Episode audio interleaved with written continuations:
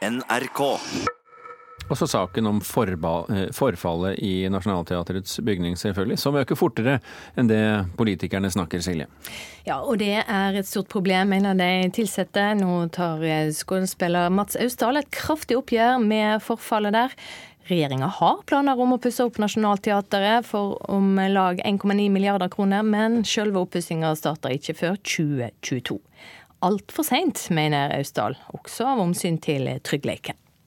Snakker om forfall i teatret. Ja. Det er det nok å snakke om. Ja. Skuespilleren Mats Austdal går i gangene på Nationaltheatret for å vise frem sprekker og nedslitte deler av teatret. Nei, det er klart vi tenker på det, alle vi som er her. At uh, det vi er redd for, er at teatret skal stenge. Det er kanskje det vi er mest bekymret for. Nå om dagen spiller han Ibsens byggmester Solnes, og skulle nok gjerne ha vært en som kunne få fart på ombyggingen av teatret. Det er jævlig trist, altså. Det er det. At ikke noen har tatt tak i det før. Det er klart, Sånn som teatret ser ut utenpå nå, med, ser ut som en sånn eh, blanding av eh, krigstilstander og et kunstprosjekt med presenninger dekket til alle ornamentene og gitter for å holde ting oppe, eller i hvert fall på plass.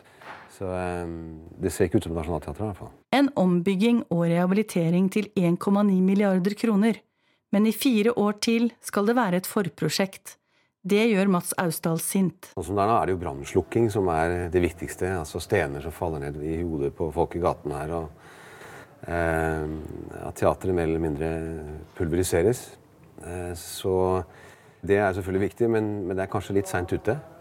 At vi burde ha begynt med dette for lenge siden. Fordi, eh, som jeg sa, redselen er jo at teatret må stenge helt.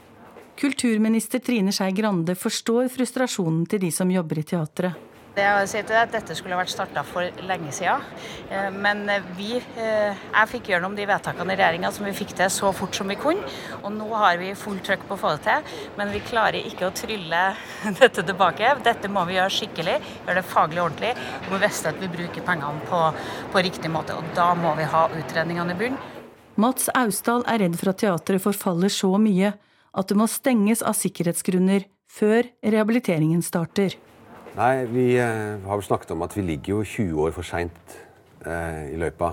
Eh, vi burde jo starta med dette her for eh, i hvert fall 20 år siden.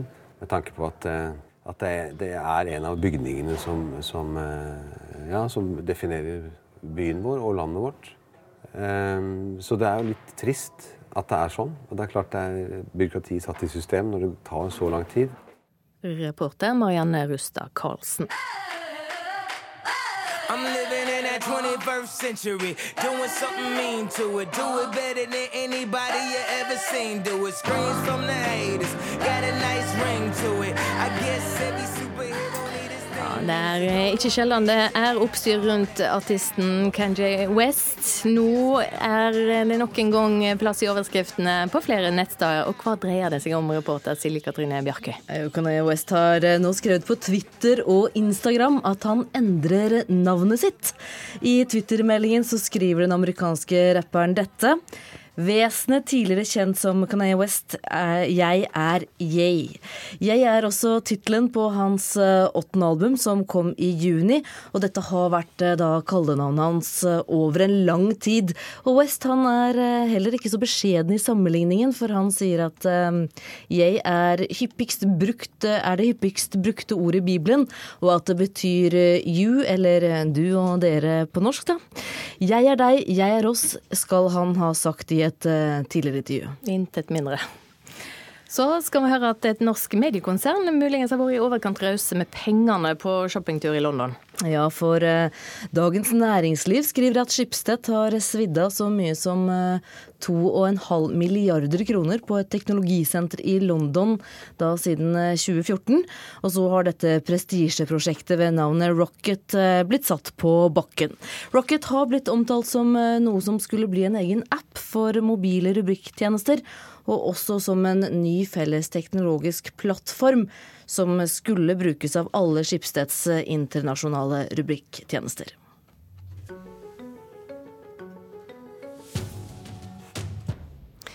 Forfatteren Nicolai Frobenius dro til Kongo for å lage manus til en film om Joshua French og Kjostolf Moland.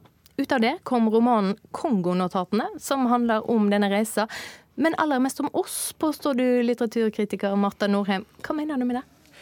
Jo, altså, den faktiske forfatteren eh, Frobenius, han eh, drog for ca. fem år siden til Kongo, intervjua de to, og etter hvert den ene som, eh, som levde videre.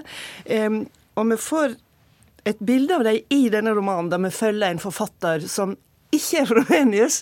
Litt eh, mye forvirring her med, med hva slags nivå vi er på eh, hele tida.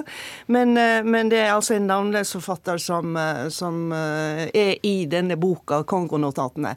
Og da han oppdager etter hvert som han prøver å, å, å, grave seg ned i denne historien for å finne liksom eh, kjernen, altså hva var det som skjedde der, så oppdager han at det ikke er mulig å finne ut av det. Det liksom løser seg opp i i eh, mange versjoner, i myter osv. Så sånn. Og da blir han mer og mer opptatt av noe annet, nemlig kan vi vite om noe, at noe er sant, at eh, det er en eh, versjon som vi kan virkelig stole på osv. Da er vi jo inne i en helt annen diskusjon, eller en større diskusjon, som jo handler om det postfaktuelle samfunnet og fake og alt dette her.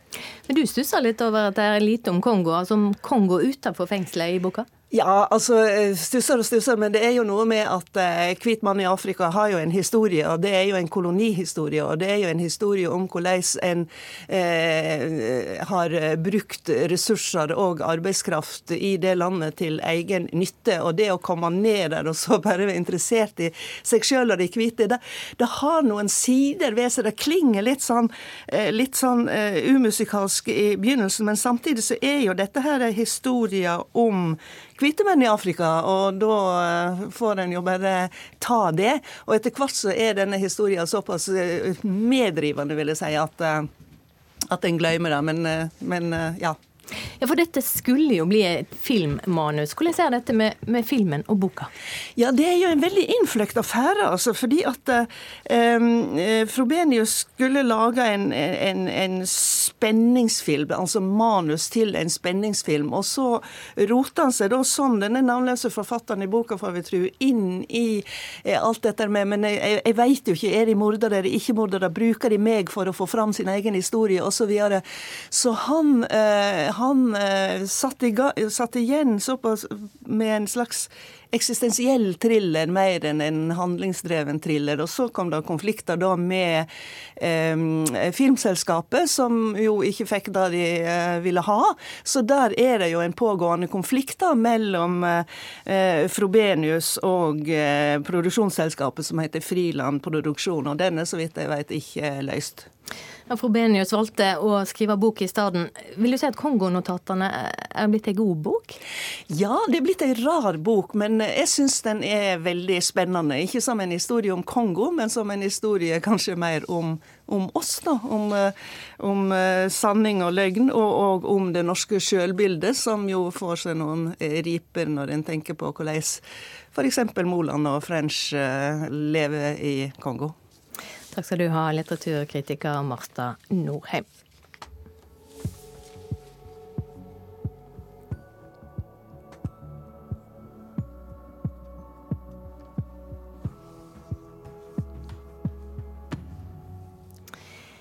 I dag har NRK sin nye nyhetsdirektør første dag på jobb. Hun har ansvar for det som er den største nyhetsredaksjonen her i landet, om det er både Dagsnytt på radio, Dagsrevyen på TV og nyhetene på nrk.no. Helje Solberg, velkommen. Tusen hjertelig takk. Du har jobba 24 år i VG, både som sjef for politisk avdeling, som nyhetsredaktør, og de siste året med ansvar for VGTV. Nå som alle mediehus skal lage alt, TV, radio, lyd, nett, hva skal skille NRK fra til dømes VG? NRK er annerledes.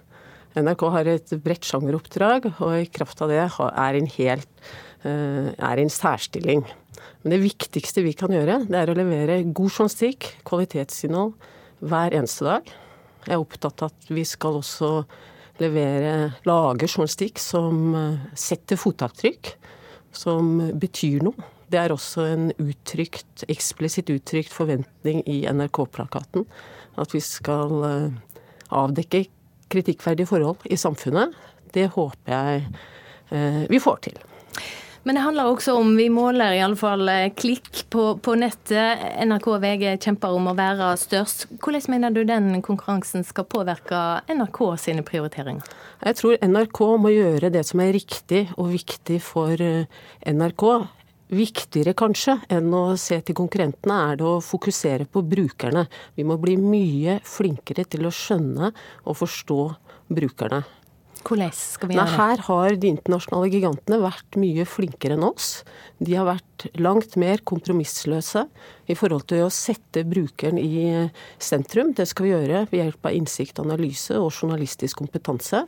Det beste vi kan si om konkurransen fra de internasjonale gigantene, som er stor, eh, er at vi har måttet skjerpe oss. Du ønsker deg jobben som nyhetsdirektør her i NRK, og har fått jobben. Hva eh, ønsker du å få gjort? Jeg ønsker å være med og sette dagsorden, lage journalistikk som er eh, relevant for folk i Norge. Jeg gleder meg til å bli kjent i denne organisasjonen og jobbe med alle de flinke folkene her. Så har jo NRK fått kritikk eh, mellom annet for satsing på nettinnhold, ikke minst fra Skipsted, som jeg flere aviser, også VG. Hva har, hva har du irritert deg mest over med NRK? Nei, jeg har ikke irritert meg over NRKs satsing på nett. Hvis NRK skal levere på nyhetsoppdraget, så må vi være på alle plattformer som folk er på, med tekst, lyd og bilder. Bare for å ta de unge. Som vi alle eh, i Medie-Norge sliter med å nå med nyhetssignal. Hvis ikke NRK skal kunne være på mobil med tekst, lyd og bilde, så kan vi bare se bort ifra og nå denne gruppen med viktige saker og, fra utenriks, politikk og kultur. Men nå sitter du her i Nyhetsmorgen på radio. Hva forhold har du til nyheter på radio? Nei, jeg har eh, aldri jobba med radio.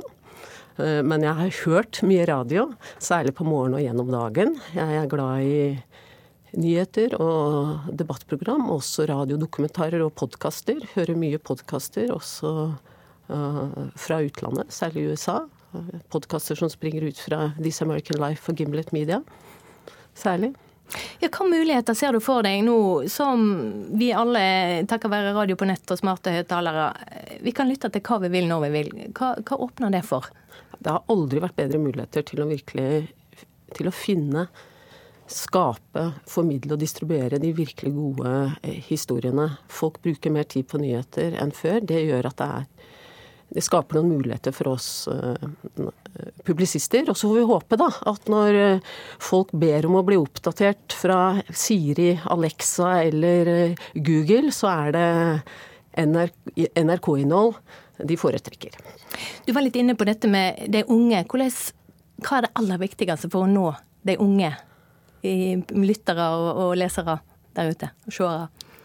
Det er, det er ingen quick fix. Det er vanskelig. Og dette sliter alle mediene med.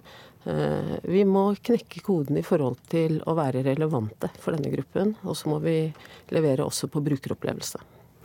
Takk skal du ha for at du kom hit til Nyhetsmorgen, Helje Solberg, NRKs nye nyhetsdirektør.